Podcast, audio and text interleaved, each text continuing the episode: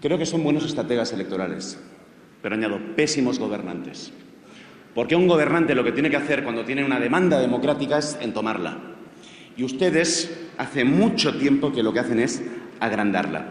Alfonso Alonso decía, no queremos pleitos, Alfonso. Por no querer pleitos, la que habéis liado.